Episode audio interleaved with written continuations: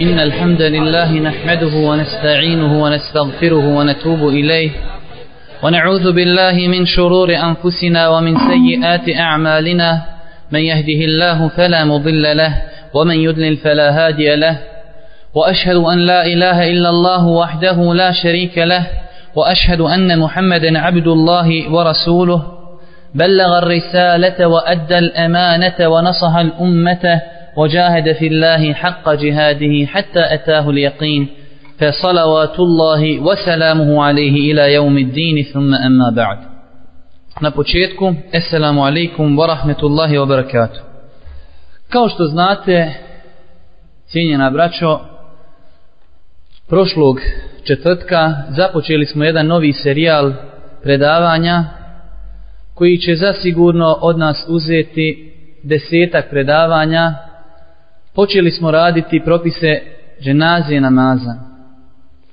U prvom predavanju govorili smo o namazu bolesnika i kazali smo da je to iz razloga zato što većina ljudi boluje prije smrti. Pa smo onda krenuli, krenuli nekim hronološkim redom pa smo govorili o namazu bolesnika.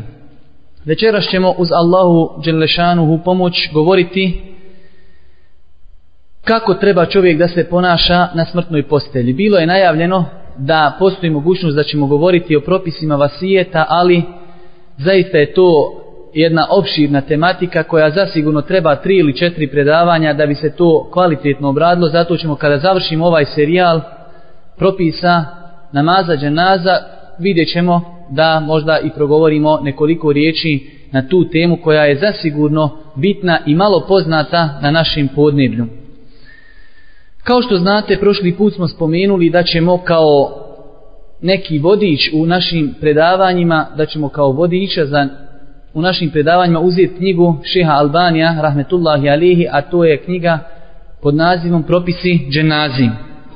Govorio nam je jedan profesor još dok smo bili na, na fakultetu, kaže ako nemate vremena da pročitate knjigu kada je kupite, uradite dvije stvari. Pročitajte predgovor i pročitajte sadržaj na kraju. Tako ja vidim da je ovaj lijepo da spomenim jednu stvar koju je spomenuo šejh Albani rahmetullahi alihi u predgovoru, a to je šta je bio razlog pisanja ove knjige.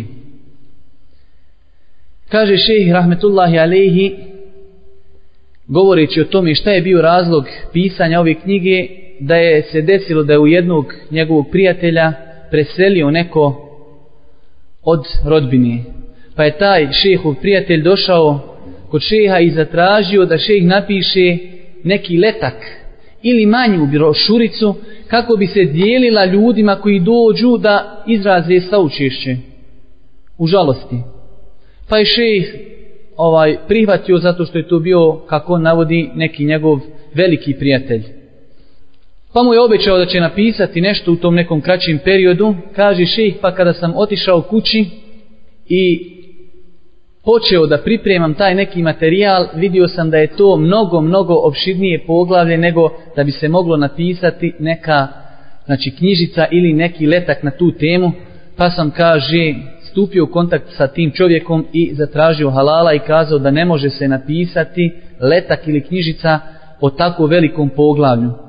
Kaže, pa je taj čovjek prihvatio njegovo izvinjenje, ali, kaže, onda je došla druga molba, pa je zatražio od šeha da napiše opširniju studiju u kojoj će obraditi propise dženaze i namaza, normalno sa jednim velikim akcentom na novotarije i bidate koji su prisutni u tom jednom velikom ibadetu, koji je, da kažemo, veoma čist, jer ljudi mnogo umiru i tako da je to jedan ibadet koji se mnogo često izvodi. I onda je šeh pristao na to da napiše jednu veću studiju. I kaže šeh, pa sam sjeo i pokušao da sabirem znači materijal za tu knjigu. I tri mjeseca sam, kaže, dano noćno, osim malo, osim malo vremena koji sam, kaže, provodio spavajući, pripremao sam materijal za tu knjigu.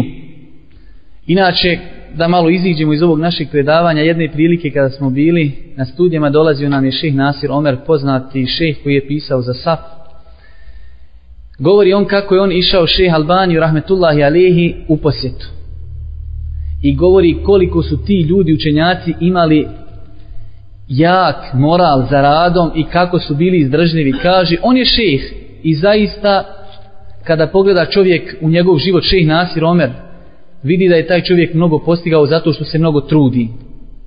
Kaže on, ja sam otišao kod ših Albanija i vjerovatno da je spomenuo da je bio dva dana, dva dana kod njega u zijaretu. Kaže, ja sam znao cijelo vrijeme sjedim sa njim i trudim se da se okoristim i pitam i tako.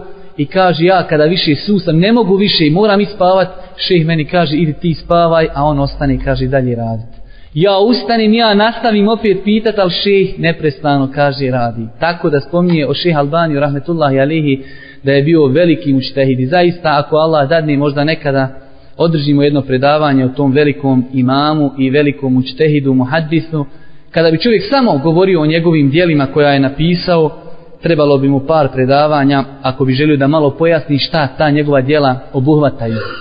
I zaista je to čovjek bio veliki učenjak i kojim je Allah Đelešanu podario bereket i u vremenu i njegovom znanju.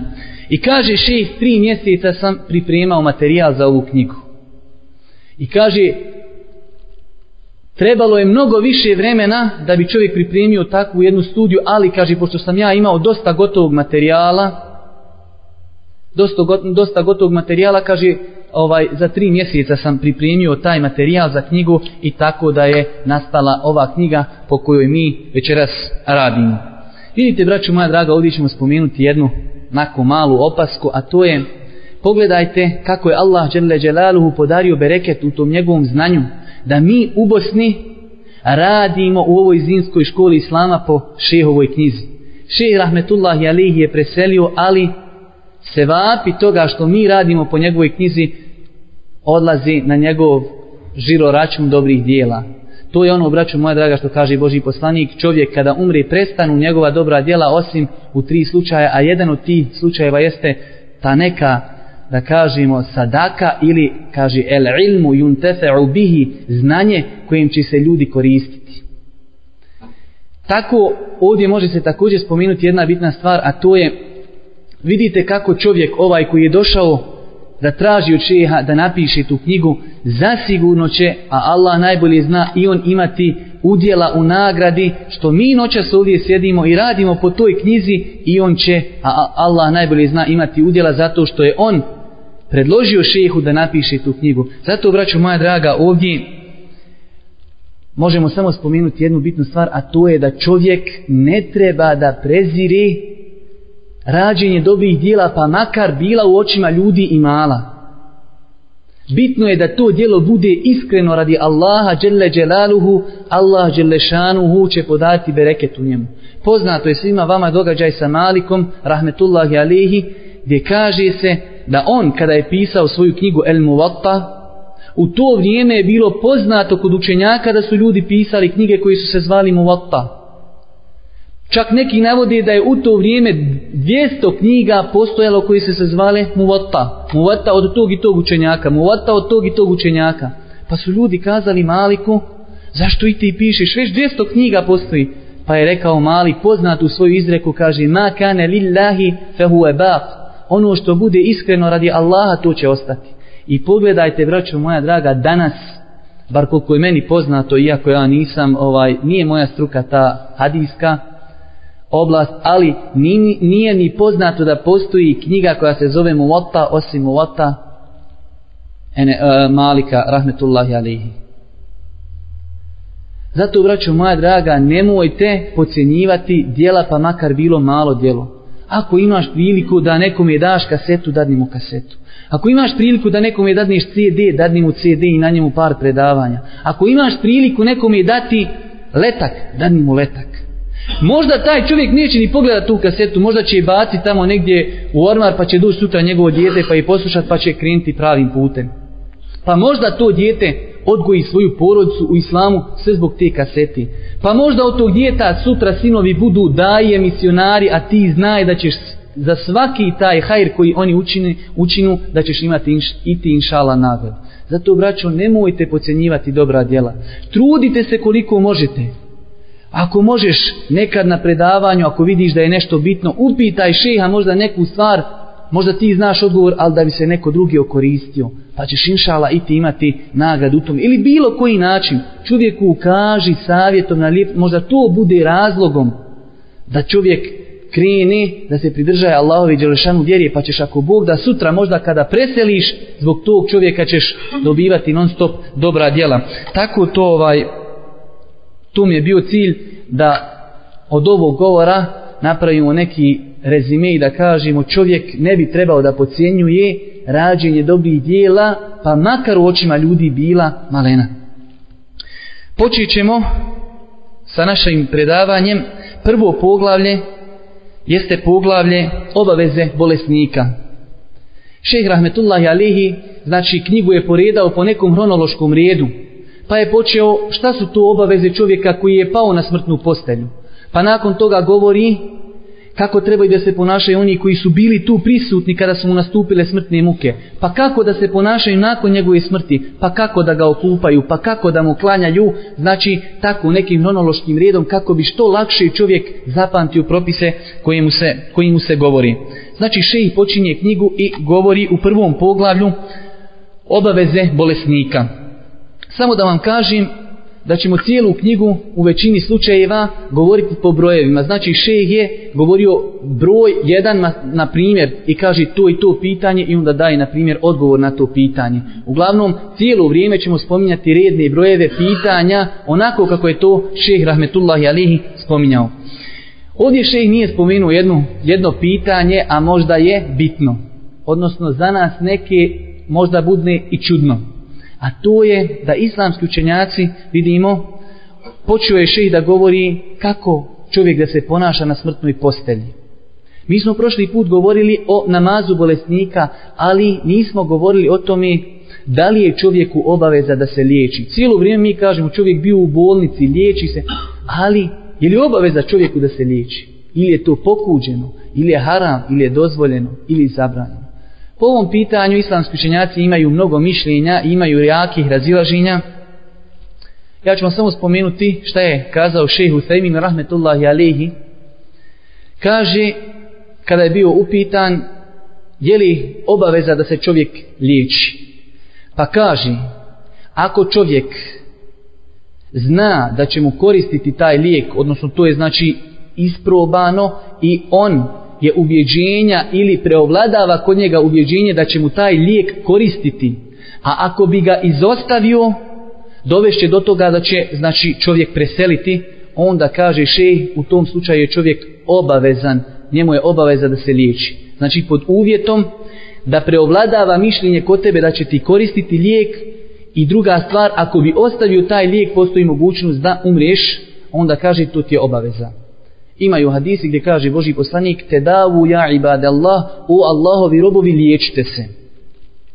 Kaže druga situacija da čovjek zna ili pretpostavlja da će mu lijek koristiti, ali ako bi ostavio taj lijek, kaže, ne misli da će preseliti, ali bit će neke patnje. Kaže, u tom slučaju je bolje da se liječi. Bolje da se liječi, ali nije obaveza, već je bolje. I treća situacija, kada je isto, ili se liječio ili ne liječio, znači ista je neka, da kažemo, isti nivo, onda šeh kaže u toj situaciji je bolje da čovjek ostavi liječenje. Znači u prvo je bila obaveza, u drugo je bilo bolje da se liječi, a u treću je bolje da ostavi liječenje. Ovo je njegov stav, a Allah Đelešanu najbolji zna možda nekada, kada imadnemo više vremena, spomenemo ovo pitanje malo i detaljnije sa dokazima, mišljenjima u Leme i na kraju ćemo inšala možda nešto i preferirati. Prva stvar koju navodi šeh Rahmetullahi Alihi kao obaveza bolesnika jeste, kaže, bolesnik treba da bude zadovoljan Allahovom odredbom i da se strpi na onome što ga je zadesilo i da ima lijepo mišljenje o svome gospodaru Allahu Đelle Đelaluhu. Znači tri stvari u početku, u jednom ovom, znači u jednoj tačici kaže ših, bolesnik treba da bude zadovoljan Allahovom odredbom, da se strpi na onome što ga je zadesilo i da ima lijepo mišljenje o svome gospodaru, o Allahu, dželle dželalu. Kaže i to će donijeti čovjeku sigurno veliki hajr. Boži poslanik sallallahu alaihi wasallame je kazao čudan je primjer vjernika mu'mina. U svakoj situaciji on dobija. Ako to, a to nije slučaj ni sa kim osim sa vjernikom. Ako ga zadesi neko dobro, on zahvaljuje Allahu subhanahu wa ta'ala pa mu to donosi hajr. A ako ga zadesi nesreća ili zlo, strpi se pa mu to donosi hajr. Također, kada je šejh spomenuo, znači ovaj hadis, to je šejh naveo kao dokaz za ono što je malo prije spomenuo. A dokaz da čovjek treba da ima lijepo mišljenje na samrti u svome gospodaru jesu riječi Božijeg poslanika sallallahu alihi wasallame ne umirite osim sa lijepim mišljenjem o Allahu. Ova dva hadisa zabilježuje imam muslim i imam Bejheqi rahmetullahi alejhima. Druga stvar koju je spomenuo šejh jeste da je preporučeno da bolesnik živi između straha i nadi. Da bolesnik živi između straha i nadi. Da se boji Allahove kazni zbog grijeha, a da očekuje Allahovu milost. Islamski učenjaci kada govori i o bolesniku, inače o insanu kažu da bi trebao da živi između ove dvije stvari – između straha od Allaha dželle Đelaluhu i između nade u njegovu milost. Pa to porede sa primjerom ptici. Pa kažu, kao što ptica ima dva krila i ne može letjeti osim sa dva krila. Jedno od tih krila je nada u Allahovu milost, a drugo krilo je strah od Allahove kazne. I tako jedino ptica može da leti. Tako i čovjek. Jedino tako može da ostane na pravom putu, da se boji Allahove kazne i da se nada Allahove milosti u istom momentu. A ako zapostavi jedno od ove dvije stvari, zasigurno će skrenuti. Pogledajmo samo koliki broj ljudi je skrenuo samo zato što su, da kažemo, dali prednost jednoj strani na drugo, a to je velik broj ljudi kada mu nešto kažeš, kaže Allah Đelešanu je milostiv, Allah Đelešanu će oprostiti. Pa ti možda i citira hadis, koji je vjerodostojan da Allah Đelešanuhu je spustio samo jednu milost na zemlju i to je ta milost koju mi vidimo među sobom kako roditelj voli svoje dijete kako životinja pazi na svoje mladunče kako se ljudi između se potpomažu, to je samo jedna milost, a Allah Đerle Đelaluhu je za sebe zadržao 99 milosti kojima će se smilovati svojim robovima na sudnjem danu.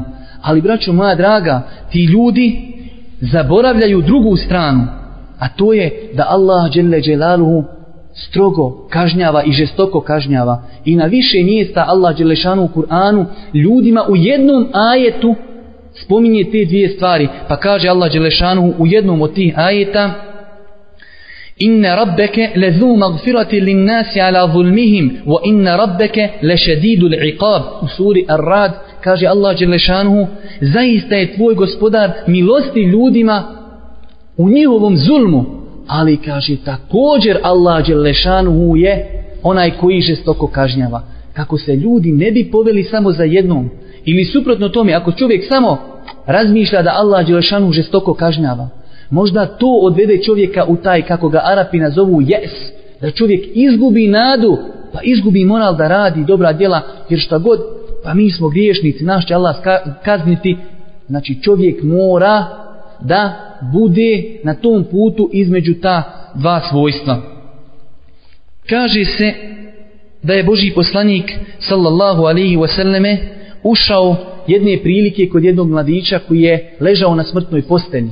Hadis od Enesa radijallahu ta'alanu kaže pa je upitao tog čovjeka kako se osjećaš? u ovoj sada situaciji, pa mu kaže ovaj mladić, poslušajte ove riječi, kaže ovaj mladić, tako mi Allaha, ja se nadam Allahovom oprostu. A bojim se zbog počinjenih grijeha, pa je kazao Boži poslanik sallallahu alaihi wasallame, kada se spoje ove dvije stvari u srcu vjernika u ovoj situaciji, Allah će mu dati ono čemu se nada i sačuvat će ga onoga od čega strahuje. Vidimo da je Boži poslanik sallallahu alaihi wasallame preporučio ova svojstva i baš u tim teškim momentima na smrtnoj posteli kaže, kao što ovaj momak kaže, ja se bojim za svoje grijehe, ali opet i nadam se Allahovoj milosti. Pa onda kaže Boži poslanik, znači neće se nikada sakupiti u srcu jednog insana u takvoj situaciji, te dvije situacije, a da mu Allah Đelešanu neće dati to i što očekuje i sačuvati ga od onoga od čega se boji. Poznata je izreka od Omera radijallahu ta'ala anhu gdje je govorio kada bi svi ljudi ušli u džennet a samo se znalo da jedan neće ući ja bi se kaže bojio da ću ja biti taj jedan džehennemlija. Suprotno tome kaže kada bi svi ljudi u džehennem samo jedan u džennet ja bi se kaže ponadu da ću ja biti taj. I to je braćo moja draga to znači balansiranje da čovjek u životu mora pokušati da objedini ove dvije stvari u svakodnevnom životu. Treća stvar i treće pitanje koje obrađuje šejh kaže makoliko da njegova bolest, znači bolest bolesnika, bude teška i žestoka, nije dozvoljeno bolesniku da priželjkuje smrt. Znači ovdje prvo šejh govori kako čovjek, znači u drugoj tačci govori kako treba ovaj čovjek da izgleda, a nakon toga onda govori o propisu da li je dozvoljeno čovjeku da priželjkuje smrt, pa kaže makoliko da njegova bolest bude žestoka, nije dozvoljeno bolesniku da priželjkuje smrt. Zbog hadisa Umu el Fadl, da je poslanik sallallahu alaihi wasallame ušao kod njih, a Abbas, Hamidža, Božijeg poslanika sallallahu alaihi wasallame je bio bolestan, pa je priželjkivao smrt. Pa mu kaže Božiji poslanik sallallahu alaihi wasallame, Hamidža, nemoj priželjkivati smrt, jer ti ako si bio dobročinitelj ili dobrotvolj, dobrotvor ako poživiš, pridodaćeš na dobročinstvo još dobročinstva. Kaže Boži poslanik svome Amidži, nemoj priželjkivati smrt. Pa mu onda pojašnjava zašto.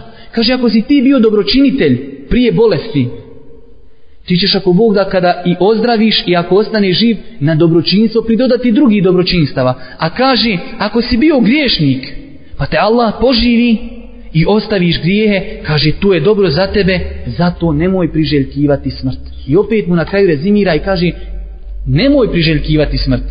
Iz ovoga se, ovaj hadis je vjerodostojan, zabilježio ga imam El Hakim, a šeh Albani za njega kaže da je ispunio uvjete imama Buharije. Poznato je znači da imam Buharija imao uvjete kada je stavljao hadise u svoju zbirku i ovaj šeh Albani rahmetullahi alihi kaže da ovaj hadis znači ispunili su se u njemu uvjeti koje je postavljao imam Buharija za ispravnost hadisa.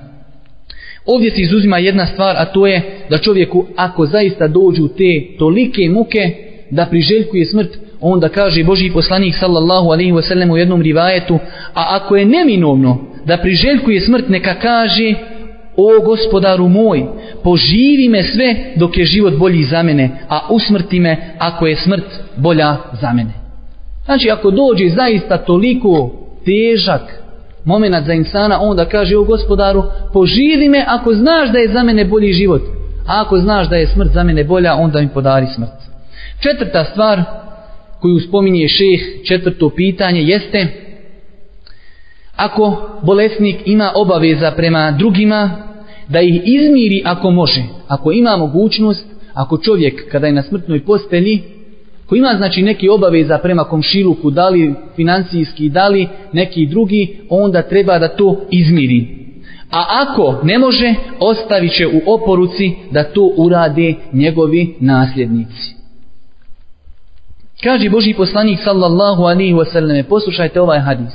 Kaže Boži poslanik sallallahu alaihi wasallame, ko je zakinu ili uvrijedio brata muslimana u njegovoj časti ili u njegovom imetku, neka mu to izmiri prije nego nastupi dan u kojem neće vrijediti imetak, zlatnici niti srebrenjaci. Ako bude imao dobrih dijela, bit će uzeto od njih i dato obespravljenom. A ako ne bude imao dobrih dijela, uzeće se od grijeha obespravljenog i natovariti na njega. Hadis je zabilježio imam Buharija i El Bejheqin. Pogledajte, braćo moja draga, stvar koja dosta puta bude zaboravljena kod velikog broja nas, a to je kolika je čast brata muslimana. Da je Boži poslanik ovdje spomenuo na prvom mjestu i spomenuo je prije imetka. Kaže, kada neko od vas nanese nepravdu svom bratu muslimanu, gdje? Kaže, u časti ili u imetku. Zato, braćo moja draga, čuvajmo se. Čuvajmo se i čuvajmo svoje jezike. Čuvajmo svoje jezike. Druga stvar, ovdje iz ovog hadisa možemo uzeti jednu veliku korist, a to je pogledajte adla i pravdi Allaha dželle dželaru. Neko je nekome napravio nepravdu na Dunjaluku, kada se dođe na sudnji dan polagati račune, od onog čovjeka koji nanio nepravdu uzimaju se dobra djela. Dobro, nestalo dobrih djela. Jel se završaje tu? Ne. Nije ispunjena pravda. Uzima se od onog obespravljenog njegovi grijesi i stavljaju se na leđa onome koje je načinio nepravdu. Pogledajte potpune pravde Allaha dželle dželaluhu. فمن يعمل مثقال ذرة خيرا يرى ومن يعمل مثقال ذرة شرا يرى ko uradi koliko je trun gorušice dobra vidjet će ga ali ko uradi trun koliko je zrno gorušice zla vidjet će ga zato braćo moja draga čuvajte svoja djela. Najviše kako čovjek može izgubiti dobra djela jeste sa jezikom. Vjerujte da je teži održati djelo i uraditi ga iskreno u ime Allaha nego znači uraditi ga iskreno i očuvati ga nego uraditi samo djelo. teže je da čovjek očuva to djelo i da zna da je iskreno Allaha radi to je sve teže nego da ga samo uradiš čak ima predaja ashaba koji kažu kada bi samo znao da mi Allah Đelešanu primio ono jedno moje stanjanje kamena s puta ja bi se kaže nadu uz Allahu Đele Đelaluhu dozvolu da ću inša Allah ući u džennet. Iskrenost, braćo moja draga, iskrenost dijela, sutra ćemo o tome govoriti malo više, iskrenost dijela i druga stvar, čuvanje dijela. To je teže zasigurno nego uraditi dobro djelo. Poslanik sallallahu alaihi wasallam kada govorimo o ovoj tematici, ovaj, da čovjek treba da izmiri tuđa prava, Ših Albani spominje sljedeći hadis pa kaže poslanik sallallahu alaihi wasallam jedne prilike upitao svoje ashabe znate li vi ko je bankrot? Ko je muflis? Kažu ashabi muflis ili bankrot kod nas je ona osoba koja nema srebrenjaka niti ima bilo kojeg drugog imetka poslušajte je li Boži poslanik odobrio to kaže Boži poslanik bankrot Muflis u mom ummetu je onaj ko dođe na sudnji dan sa namazom, sa postom, sa zekijatom. Muflis, onaj koji dođe sa namazom, sa postom i sa zekijatom. Je li kraj hadisa? Nije. Ali kaže Boži poslanik sallallahu alaihi wasallame, doći će, ali je uvrijedio ovoga, potvorio je onoga, bespravno pojeo i metak onoga, bespravno prolio krv onoga, udario onoga, pa će, kaže, uzeti onaj od njegovih dobih dijela, pa će uzeti sljedeći, drugi od njegovih dobih dijela, pa ako nestane dobih dijela prije nego što izmiri sva njihova prava, uzet će se od njegovih grijeha, od njihovih grijeha, pa će se natovariti na njega, pa će zatim biti bačen u džehennem hadis je zabilježio imam muslim. Pogledajte braćo, muflis, čovjek došao, klanja, posti, daje zekijat, pa će to sve otići. Zamislite kako je onima koji nemaju toga, a koliko je samo danas na Dunjaluku. Ne klanja, ne posti, ne daje zekijat i plus ima dosta svojih aferima. Prođe čovjek sa bradom, kraj njega vidi vehabije. Braćo, to je teško u današnjim vremenima, ali znajte da će doći vrijeme kada će se ti ljudi kajati za to. Prođe žena koja nosi nikav, a ona komentariše, je li to nas vraćaš 14 stoljeća nazad. Wallahi, wallahi, bit će pitan svaki insan za svaku riječ koju je kazao.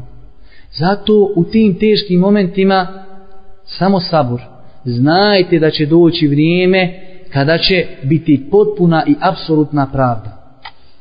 Tada će svako odgovarati za svaku riječ koju je kazao.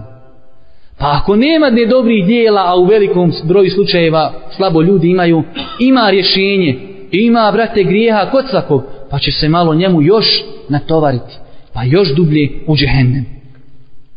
Također, u hadisu od Džabira radijallahu ta'alanu također ovaj hadis šeha Albani navodi u tome kako čovjek treba da se pobrini o tim svojim obavezama koje ima. Kaže Džabir ibn Abdullah, Džabir radijallahu ta'alanu kaže pozvao me otac kada je bila noć u oči bitke na Bedru. Kaže Abdullah ibn Džabir ibn Abdullah pozvao me moj otac u noći kada je bilo u oči bitke na Uhudu. Stakfirullah, rekao sam Bedru. U oči bitke na Uhudu. Kaže, o sine moj, kao imam osjećaj ili predosjećam da ću ja sutra prvi poginuti od ashaba Božijeg poslanika sallallahu alaihi wasallame pa nastavlja ja ne ostavljam iza sebe nikog vrijednijeg i dražijeg meni od tebe govori on svome sinu kaže ja ne ostavljam nikoga vrijednijeg i dražijeg meni od tebe kaže naravno kada se izuzme Božji poslanik to kod vjernika ne treba spominjati jer Boži poslanik je uvijek prvi. Kaže nakon Božih poslanika ti si mi najdraži. Pa se onda obraća svome sinu zato sine izmiri i vrati dugove koji sam ja dužan i dobro pazi svoju braću. Kaže pa je osvanu i bio je prvi šehid koji je preselio. Subhanom. hadis je zabilježio imam Buhari. Peta stvar peti propis kojeg spominje Šeha Albani, da se vratimo samo vidite ovdje, znači da komentarišimo ovaj hadis, nema potrebe od Džabira ibn Abdullaha, da kaže njegov otac, znači razmišljao je o tome, imao je predosjećaj da će preseliti, pa ga je zovnuo i kaže vrati sine dugove i kaže pazi na svoju braću. Peto pitanje koje šeha Albani spominje, rahmetullahi ali, jeste, kaže, treba čovjek, bolesnik, da požuri sa pisanjem oporuke ili testamenta. Prije što počnemo govoriti, sada će šest spomenuti tri ili četiri pitanja vezana za testament, samo da kažem da ne bi volio da šalje te pitanja vezana za testament i oporuku. Jer ćemo mi, ako Bog da, to detaljnije obrati kada završimo ovaj serijal emis. Ono što še spomeni, mi ćemo prokomentarisati, nekada ćemo spomenuti i druga mišljenja, ali ćemo se, kada su u pitanju propisi vasijeta, zadovoljiti sa onim što še spomeni a nekada inša Allah u budućnosti možda i održimo ta neka predavanja gdje ćemo temeljito obraditi tu tematiku. Kaže šest, znači čovjek treba da požuri sa pisanjem oporuke ili testamenta. Zbog riječi Božijeg poslanika sallallahu alaihi wasallame čovjek musliman koji ima nešto da oporuči prav, nema pravo ni dvije noći provesti a da mu nije napisana oporuka kod njega. Kaže Boži poslanik sallallahu alaihi wasallame čovjek musliman koji ima nešto da oporuči, nema pravo ni dvije noći provesti, a da mu nije napisana oporuka kod njega. Poslušajte ashabe kako su sprovodili propise. Kaže Abdullah ibn Omer, a on je prenosio od hadisa, hadis bilježi Buharija i Muslim. Kaže ibn Omer, nije prošlo ni noć od kad sam čuo Allahu poslanika da je to kazao, a da ja nisam imao svoju oporuku, svoj testament napisan. Kod njega je to bilo zadnje. Čuo Božijeg poslanika da čovjek ne bi trebao ni dvije noći da zanoći, a ima nešto da uporuči, kaže, od tada ja nisam noći zanočio, a da nisam imao napisanu svoju oporuku. Kaže šeh rahmetullahi alihi šesti propis, šesta mesela šesto pitanje. Vađib obaveza je da čovjek oporuči nešto bližnjima koji ga ne nasljeđuju. Pazite nakon što ovo citiramo morat ćemo pojasniti o čemu šejh govori. Kaže šejh, vađib obaveza je da čovjek oporuči nešto bližnjima koji ga ne nasljeđuju. Ovdje kada god budemo govorili ne nasljeđuju ili nasljeđuju misli se onako kako je šerijat propisao. Postoji, braćo moja draga, u fiku jedno poglavlje koji se zove Faraid, nasljedno pravo. I o tome postoje knjige. Kada ko nasljeđuje, koliko nasljeđuje, ovo što postoji kod nas, nasljeđivanje pola braći, pola sestrama, to je neispravno. Nema, znači, nikakve sumnje. Postoji jedno veliko poglavlje kako se dijeli. Ako nemaju sinovi, imaju li kćeri, ako nemaju kćeri, imaju li ded, nena, amidža, dajđa. Znači, to je jedna velika nauka. Ali ovdje ših kaže čovjek je obavezan da oporuči nešto svojim rod, e, e, svojoj rodbini koji ga ne nasljeđuju. Na primjer, čovjek ima sina i čerku i oni će uzeti imetak ono što je ostalo iza njega. Ali on kaže čovjeku je vađi obaveza da ostalo i rodbini bližoj, ako ima dovoljno imetka, da i njima nešto u svijet ostavi. Zato šejh donosi argumentat ajet u suri El-Beqara gdje kaže Allah dželle Jalaluhu kutiba alaikum iza hadara ahadakum al-mautu in taraka khayran al-wasiyatu lil walidaini wal aqrabin bil ma'rufi haqqan 'ala al-muttaqin kaže se u prijevodu ovog ajeta kada neko od vas na smrti bude pa ostavlja kakvo dobro. Ovdje se misli kako dobro znači mnogo imetka propisano vam je u arapskom jeziku kada se kaže propisano vam je to se misli obaveza vam je. Kao vi dobročinstva roditeljima i bližnjima oporuku učinite što je obaveza onima koji se Allaha boji. Ali braćo moja draga treba spomenuti ovdje da je šeh bio mišljenja da je to obaveza i da je ovaj ajet da nije dokinut ali većina, većina islamskih učenjaka, čak še e, imam šatija kaže, sve one ljude kod kojih sam ja učio ilm i znanje, smatrali su ovaj kuranski ajet derogiranim. Ovaj kuranski ajet je bio u početku dok još Allah dželle dželaluhu nije objavio ajete u kojima se govori o nasljednom pravu. I ovdje Allah dželešanu propisao kao obavezu da se Znači čovjek kada umire da oporuči svojoj rodbini, svojim roditeljima, jer nije bilo nasljednog prava, pa je Allah Đelešanu obavezao ljude oporukom da ostavi nešto rodbini. Nakon toga kada su objavljeni ajeti u kojima je pojašnjeno koliko ko nasljeđuje, onda islamski učenjaci kažu da je to derogiran ajet, derogiran propisom, a ostao je učinjen. Imate nešto u šerijatu, sada da ne ulazimo u ta pitanja, ajet nekada može biti derogiran propisom, ali ostao je u Kur'anu. Suprotno tome može znači biti da ima propis, a nema i tako, znači ovo je varijanta tog derogiranja kada ima ajet u Kur'anu, ali je derogiran njegov propis.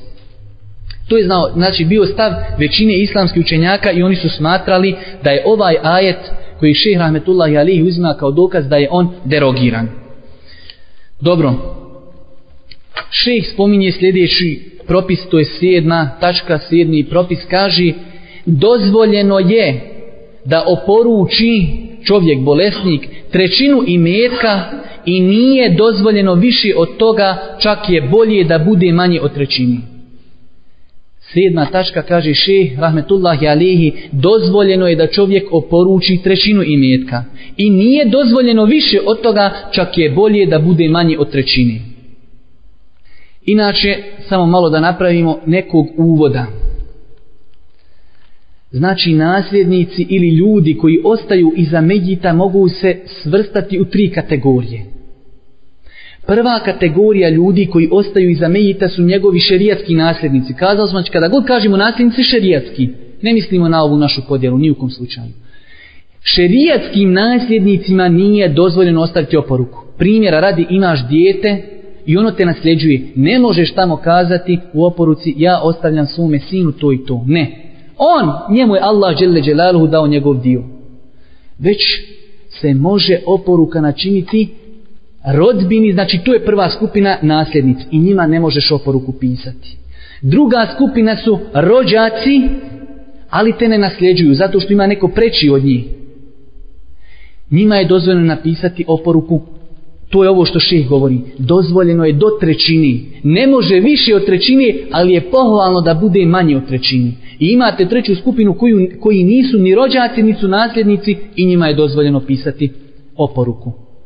Znači prvoj skupini koji su šerijatski nasljednici, njima se ne može napisati oporuka, to ćemo spomenuti malo poslije. I argumente za to. Druga skupina ljudi koji ostaju za mejita su rodbina, ali nisu šerijatski nasljednici. E, njima se može napisati vasijet, testament, oporuka do trećine imetka. Više ne smije od trećine, a pohvalno je da bude manji.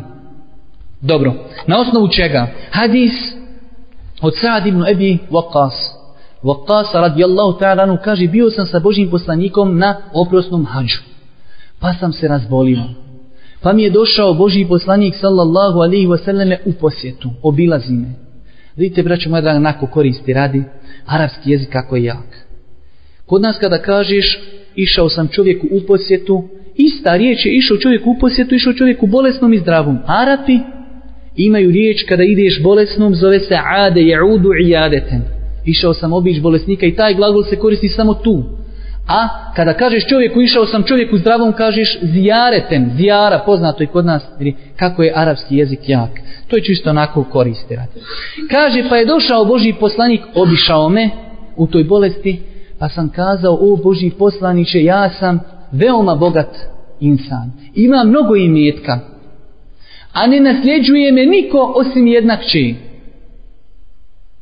Pa kaže, šta misliš o Boži poslaniće, da ostavi u oporuku dvije trećine svog imetka. Zamislite, braćo. Dvije trećine, kaj šta misliš o Boži poslaniće da ja ostavim dvije trećine svog imetka drugima? Kaže Boži poslanik, ne. Ne može. Kaže, a šta misliš Boži poslaniće da ostavim pola? Kaže Boži poslanik, ne. Ne može. Kaže, o Boži poslaniće, šta misliš da ostavim jednu trećinu? Kaže Boži poslanik sallallahu alaihi wasallam, trećina i trećina je puno. Bolje ti je da ostaviš nasljednike imućne nego da ih ostaviš siromašne pa da prosi od ljudi. Pa nastavlja Boži poslanik, znaj o sadu, za sve što udjeliš od imetka želijeći time Allahovo zadovoljstvo, bit ćeš nagrađen čak zalogaj koji staviš u usta svoje ženi. Znači na osnovu ovog hadisa kaže Ibnu Abbas radijallahu ta'ala anhu, a poznato je ko je bio Ibnu Abbas, turđumanul Kur'an, znači poznati mu fesir Kur'ana, kaže volio bi da ljudi odustanu u oporukama o trećini, već kaže da oporučuju četvrtinu zato što je poslanik kazao esulusu, esulusu kesir, trećina, zaista je kaže trećina puno. Nije rekao nemoj. I vidjet ćemo poslije da je dozvoljeno prešinu da čovjek ovaj oporuči iz jednog hadisa koji je znači u tom smislu nedvosmislen. Ali ovdje ipak je rekao trećina trećina je kaže puno. Zato Ibn Abbas je smatrao da ljudi koji hoće da oporučuju da ne bi trelaz, trebi, trebali prelaziti četvrtinu. Nećemo sad ovdje govoriti šta je veća trećina četvrtina valjda svi smo išli u školu znamo ovaj, te stvari. Deveta stvar, deveti propis koji spominje šeh rahmetullahi alihi jeste da nije dozvoljeno oporučiti nešto roditeljima ili rodbini koji su njegovi nasljednici. To je ono što smo malo prije govorili. Znači deseti propis nije dozvoljeno oporučiti nešto roditeljima ili rodbini koji su nasljednici. Ovdje mora biti koji su nasljednici. Zašto? Opet se vraćamo u jednu drugu tematiku, ali mora, kada nismo radili nikad ova, ove stvari. U šerijetu jedna od zabrana imate, kada se počne studirati pitanje nasljednog prava, im, navodi se stvari koje su razlozi da čovjek nekoga ne nasljeđuje. Jedna od ti stvari jeste različitost vjeri. Tako čafir ne može naslijediti muslimana? Šta će čovjek ima oca koji je čafir? Neće ga naslijediti u tom slučaju čovjeku dozvoljeno da ostavi oporku. Zato smo ovdje kazali pod uvjetom da je taj rođak ili roditelj nasljednik šerijatski. Ako nije nasljednik, dozvoljeno je.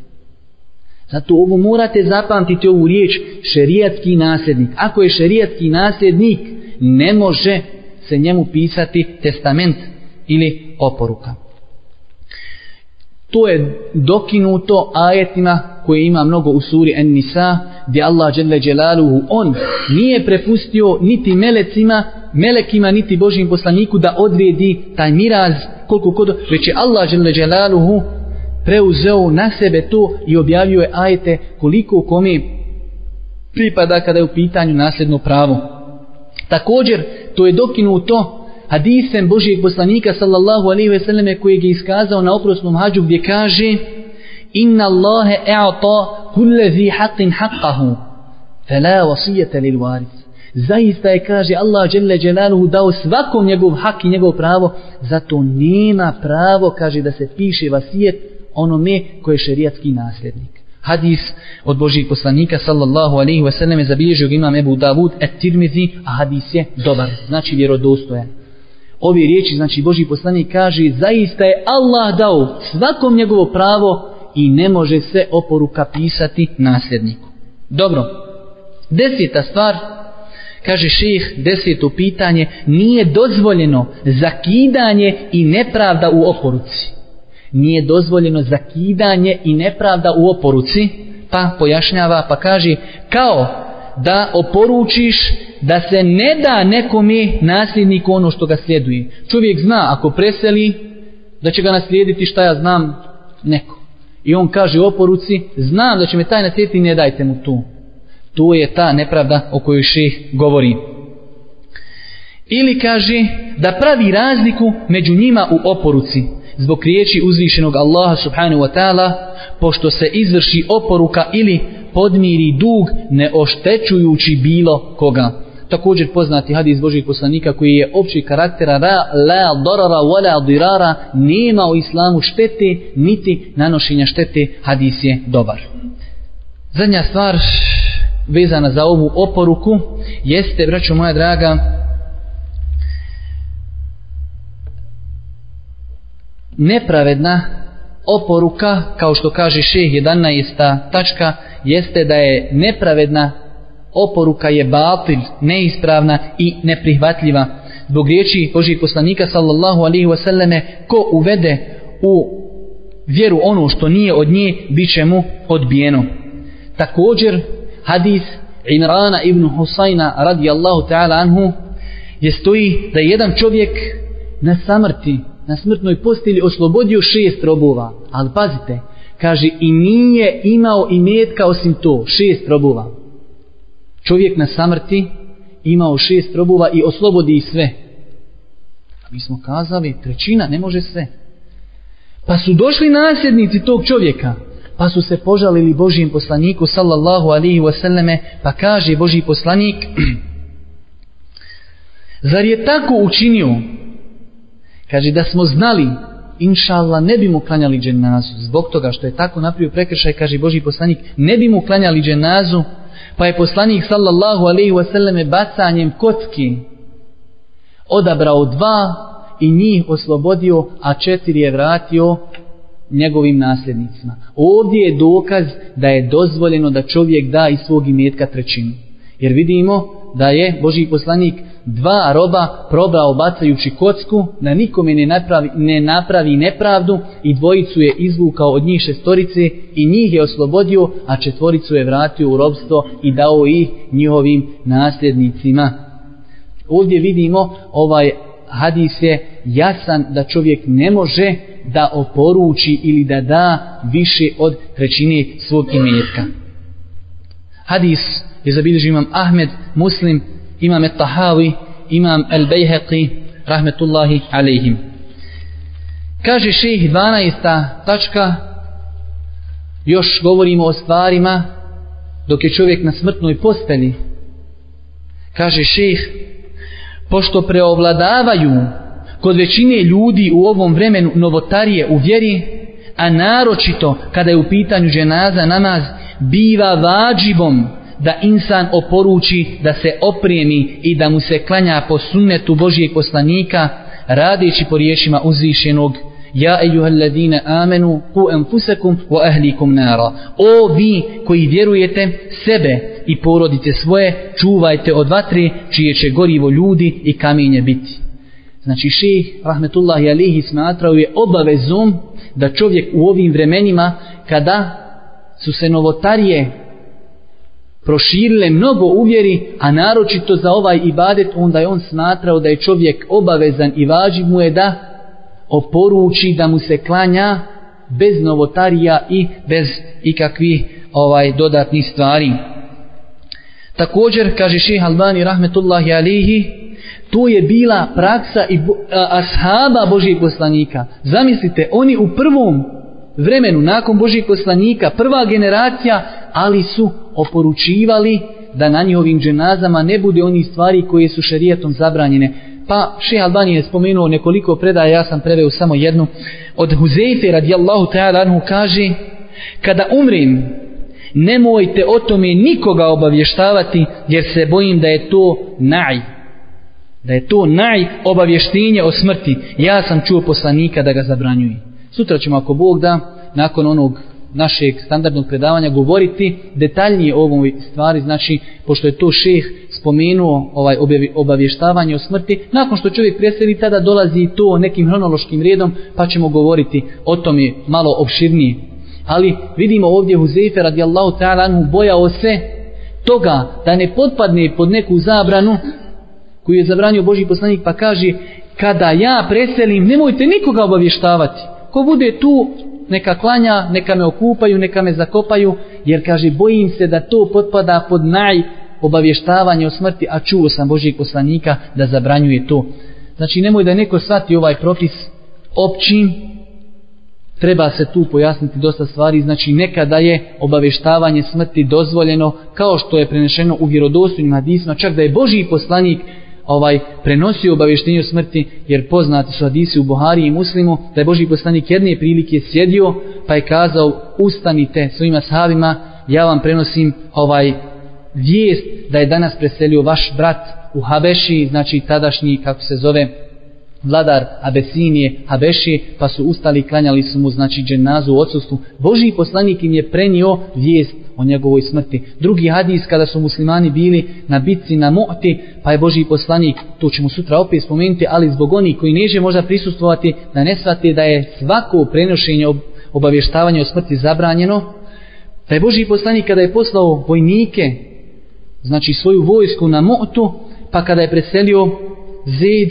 kaže, preselio je Zed, pa je preselio Džafer, pa je preselio Abdullah ibn Revaha i preuzeo je vodstvo Hald ibn Velid. Sutra ćemo inšala govoriti o tome, ali to su argumenti koji ukazuju da je u nekim situacijama dozvoljeno prenijeti smrt nečiju, znači obavijest o nečiju smrti. Nakon toga prelazimo na drugo poglavlje i gledat ćemo inšala da njega brzo završimo kako bi ovaj kako ne bi dužili ovo naše sjelo. Drugo poglavlje 13. tačka, znači poglavlja su različita, ali šejh non stop nastavlja rednim brojem, znači 13. pitanje, 13. tačka, ali drugo poglavlje jeste poglavlje oni koji prisustvuju nečoj smrti, šta oni trebaju da rade i kako trebaju da se ponašaju u tim momentima kada čovjeku nastupe smrtne muke. Poslije ćemo govoriti šta oni trebaju raditi kada čovjek preseli, ali ovo sve u vremenu čovjek je još živ, To je taj neki hronološki red. Prvo smo govorili kako čovjek da se ponaša. Sada govorimo kako treba i da se ponašaju oni ljudi koji su oko čovjeka. Nakon toga sutra ćemo govoriti kako da se ponašaju kada on preseli. Prva stvar koju spominje šeh 13. tačka, a u toj tački će biti A, B, C, kaže pod A telqin, a to je da podstiču čovjeka na izgovaranje šehadeta. Da čovjek izgovori la ilaha illallah. To bi to je prva stvar koju ljudi trebaju da rade kada budu prisutni, kada nekom je nastupe smrtne muke, trebaju da ga postiču na izgovor šehadeta. Kaže Boži poslanik sallallahu alihi wasallame, postičite vaše samrtnike na izgovor la ilaha illallah. Ovo sa što citiramo dalje je predaja, znači rivajet od Ibnu Hibbana koji je vjerodostojan, čije zadnje riječi budu la ilaha illallah na samrti, ući će u džennet jednog dana, pa makar ga prije toga zadesilo ono što ga zadesi. Ovo je znači predaja rivajet od Ibnu Hibana, pa se nastavlja hadis i govorio bi Boži poslanik, ko umrije, a on zna da nima Boga sem Allaha dželle dželaluhu, ući će u džennet. U drugom hadisu stoji, ko umri ne pripisujući Allahu sudruga, ući će u džennet. Hadis je zabilježio ima muslim a onaj dodatak koji smo citirali je, znači vjerodostan kod Ibnu Hibana, radijal, rahmetullahi alaihi. Druga stvar koju bi trebali da rade prisutni jeste da upućuju dobu za čovjeka kojim su nastupile smrtne muke i da ne govori u tom prisustvu ništa loše. Prva stvar znači da upućuju dove i da ne govori ništa loše. Sjećate se naših predavanja, koga blagosiljaju meleci, to je to. Znači, kaže Boži poslanik sallallahu alaihi wasallame, kada budete prisutni kod onoga kome je nastupila smrt, govorite dobro, jer meleki aminaju na vaš govor. Hadis se zabilježio imam muslim i imam el bejheqi. Ovdje, vraću moja draga, postavlja se pitanje kako da čovjek podstakne onoga čovjeka koji na samrti da izgovori šehadet, taj takozvani telqin. I po tom pitanju malo postoji razilaženja. Neki učenjaci od kojih je bio i šeh Rahmetullahi Alihi Albani kaže čovjek treba da dođe čovjeku i kaže mu jasno reci la ilaha illallah. Dok ima drugi učenjaka, a jedan od njih je šeh Husaymin Rahmetullahi Alihi koji kaže čovjek ako zna da je čovjek, hajde da kažemo, dobar musliman i da se neće naljutiti, da ga to neće isprovocirati u tim momentima, to mu kaže reci la ilaha illallah, zadnje riječ da ti budu. Ali kaže ako zna da je taj čovjek, hajde da kažemo, može ga to naljutiti i možda do te mjeri da u tim momentima počne govoriti stvari koje izvode izvjere i možda će ga to ovaj naljutiti i da kaže nešto što ne bi trebao kazati tada kaže šehu Semin rahmetullahi alihi on će samo stajati kod tog čovjeka i zikri će malo povišenim glasom kako bi taj čovjek vidio taj zikr kao da ga tako podsjeti na taj izgovor. Uglavnom šeha Albani rahmetullahi alihi je smatrao da čovjek treba da čovjeku direktno kaže reci la ilaha illallah. Normalno to na osnovu hadisa Božih poslanika sallallahu alaihi wasallame od Enesa radijallahu ta'ala da je Boži poslanik obišao čovjeka jednog od ensarija i kazao mu o dajđa reci la ilaha illallah. Vidite ovdje o dajđa reci la ilaha illallah. Pa je kazao ovaj čovjek na samrti. Ali kaže dajđa ili amiđa pita njega šta sam ja tebi dajđa ili amiđa kaže Boži poslanik dajđa pa kaže taj čovjek Je li dobro u tome da ja kažem la ilaha illallah? Pa je Boži poslanik kazao da, to je dobro za tebe da u tim momentima izgovoriš la ilaha illallah. Ne bi da ja preferiram neko od ovih mišljenja, ali u svakom slučaju nisu ona plaho ni daleko.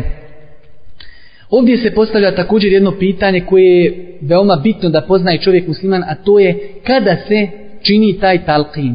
Talqin da li dok je čovjek živ ili kada čovjek preseli, kao što je praksa u jednom velikom broju islamskog svijeta, država islamskog svijeta.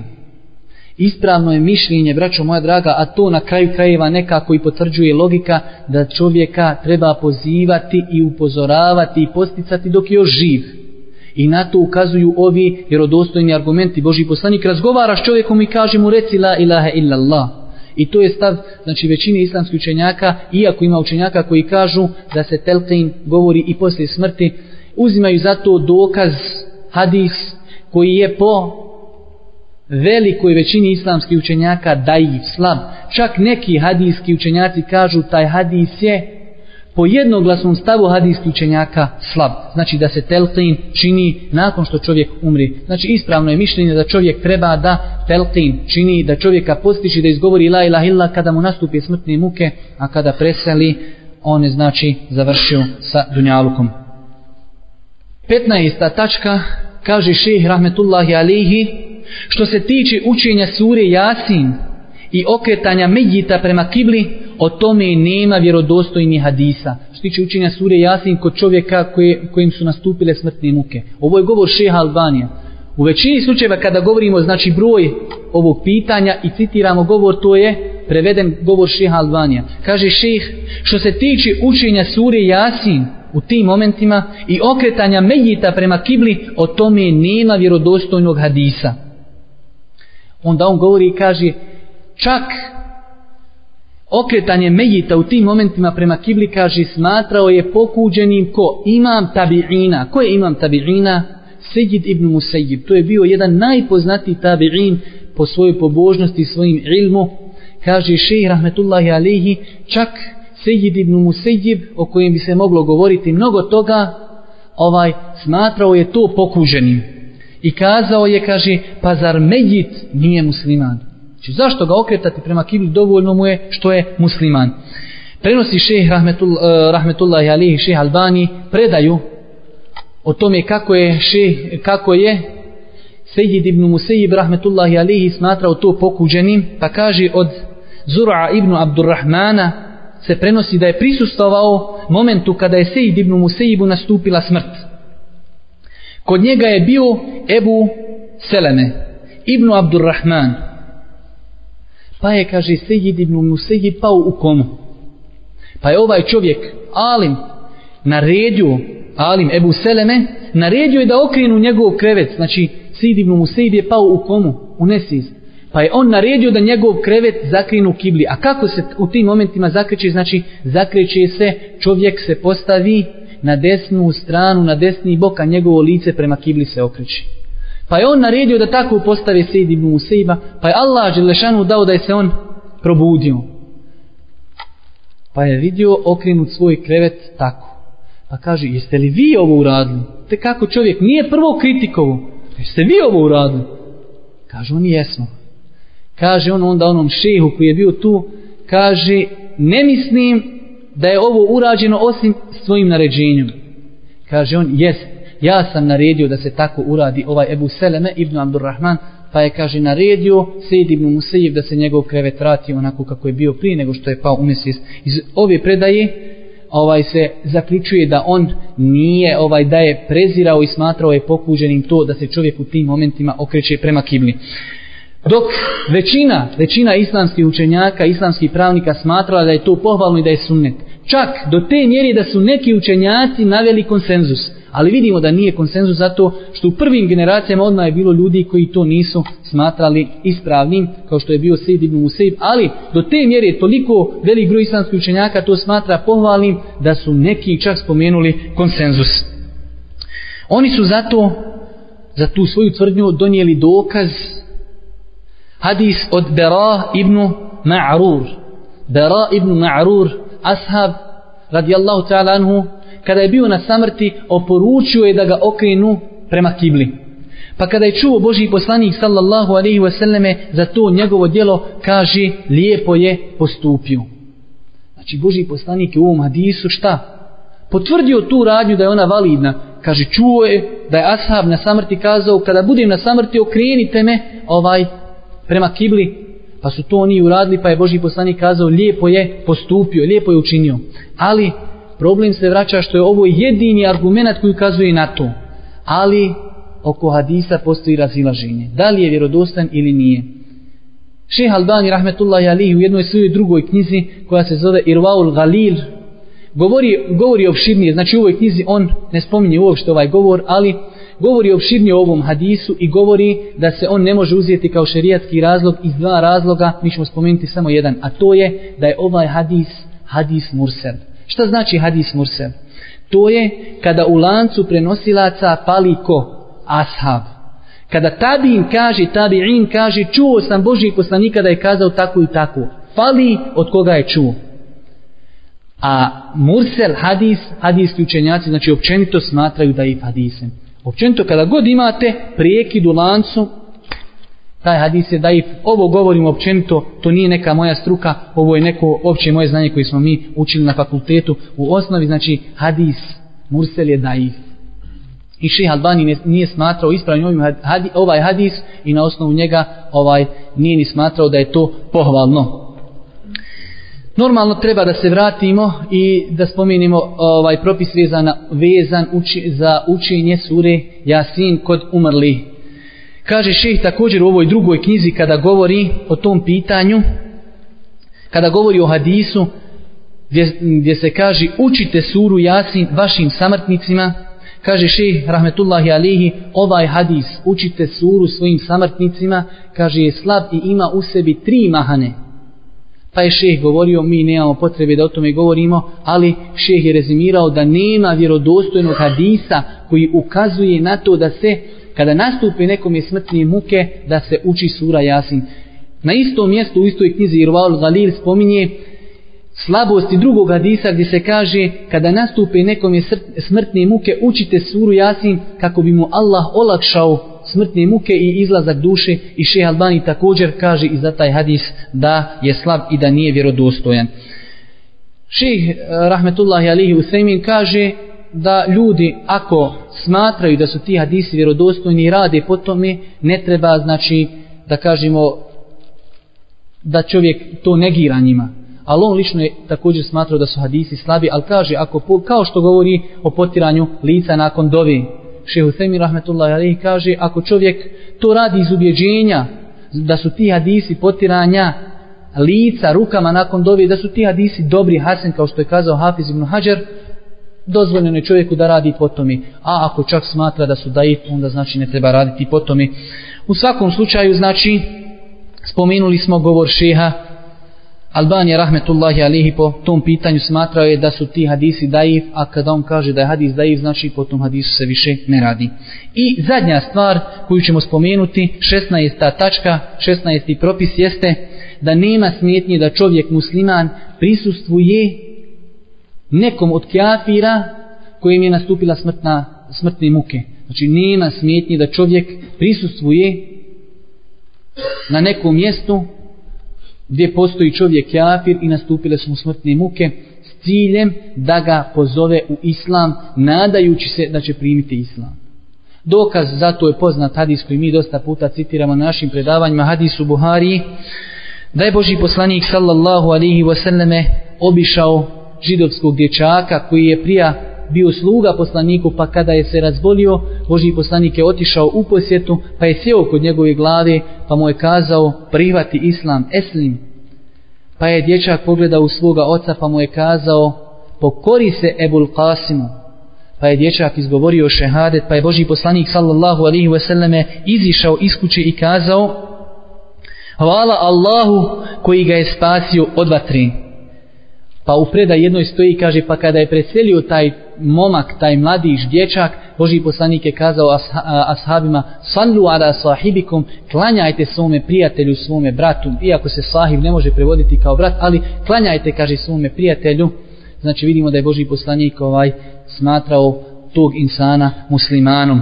Molimo Allaha, dželle še'nuhu, da nas poduči propisima njegove vjeri. Molimo ga subhanahu wa ta'ala da nas učvrsti u ovim teškim vremenima. Molimo ga subhanahu wa ta'ala da pomogne muslimane na svim mjestima i molimo ga subhanahu wa ta'ala da nam bude milostiv na sudnjem danu. Subhanaka Allahumma wa bihamdike. ashhadu an la ilaha illa anta, astaghfiruka Wa atubu